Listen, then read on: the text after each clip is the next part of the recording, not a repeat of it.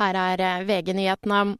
SAS sitt evakueringsfly har landet på øya Langkawi i Malaysia, hvor kong Harald er innlagt på sykehus. Verken Slottet eller Forsvaret har villet svare på om det skal hente kongen, sier VGs reporter på stedet Kristina Kinne. Forsvaret har også sagt at de skal eh, bistå i å frakte kongen hjem. Men om det skjer i dag eller senere, det vites fortsatt ikke. Det eneste vi har fått vite, er at eh, kongen skal være i bedring etter en infeksjon som han fikk tidligere i uken.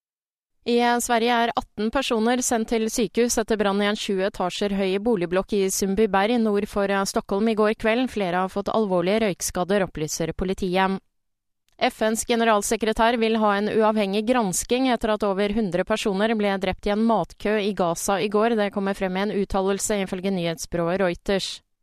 Senatet i USA har vedtatt en midlertidig avtale for finansiering av staten. En nedstengning av statsapparatet er dermed avverget i denne omgang. Den nye avtalen er likevel bare en midlertidig kriseløsning.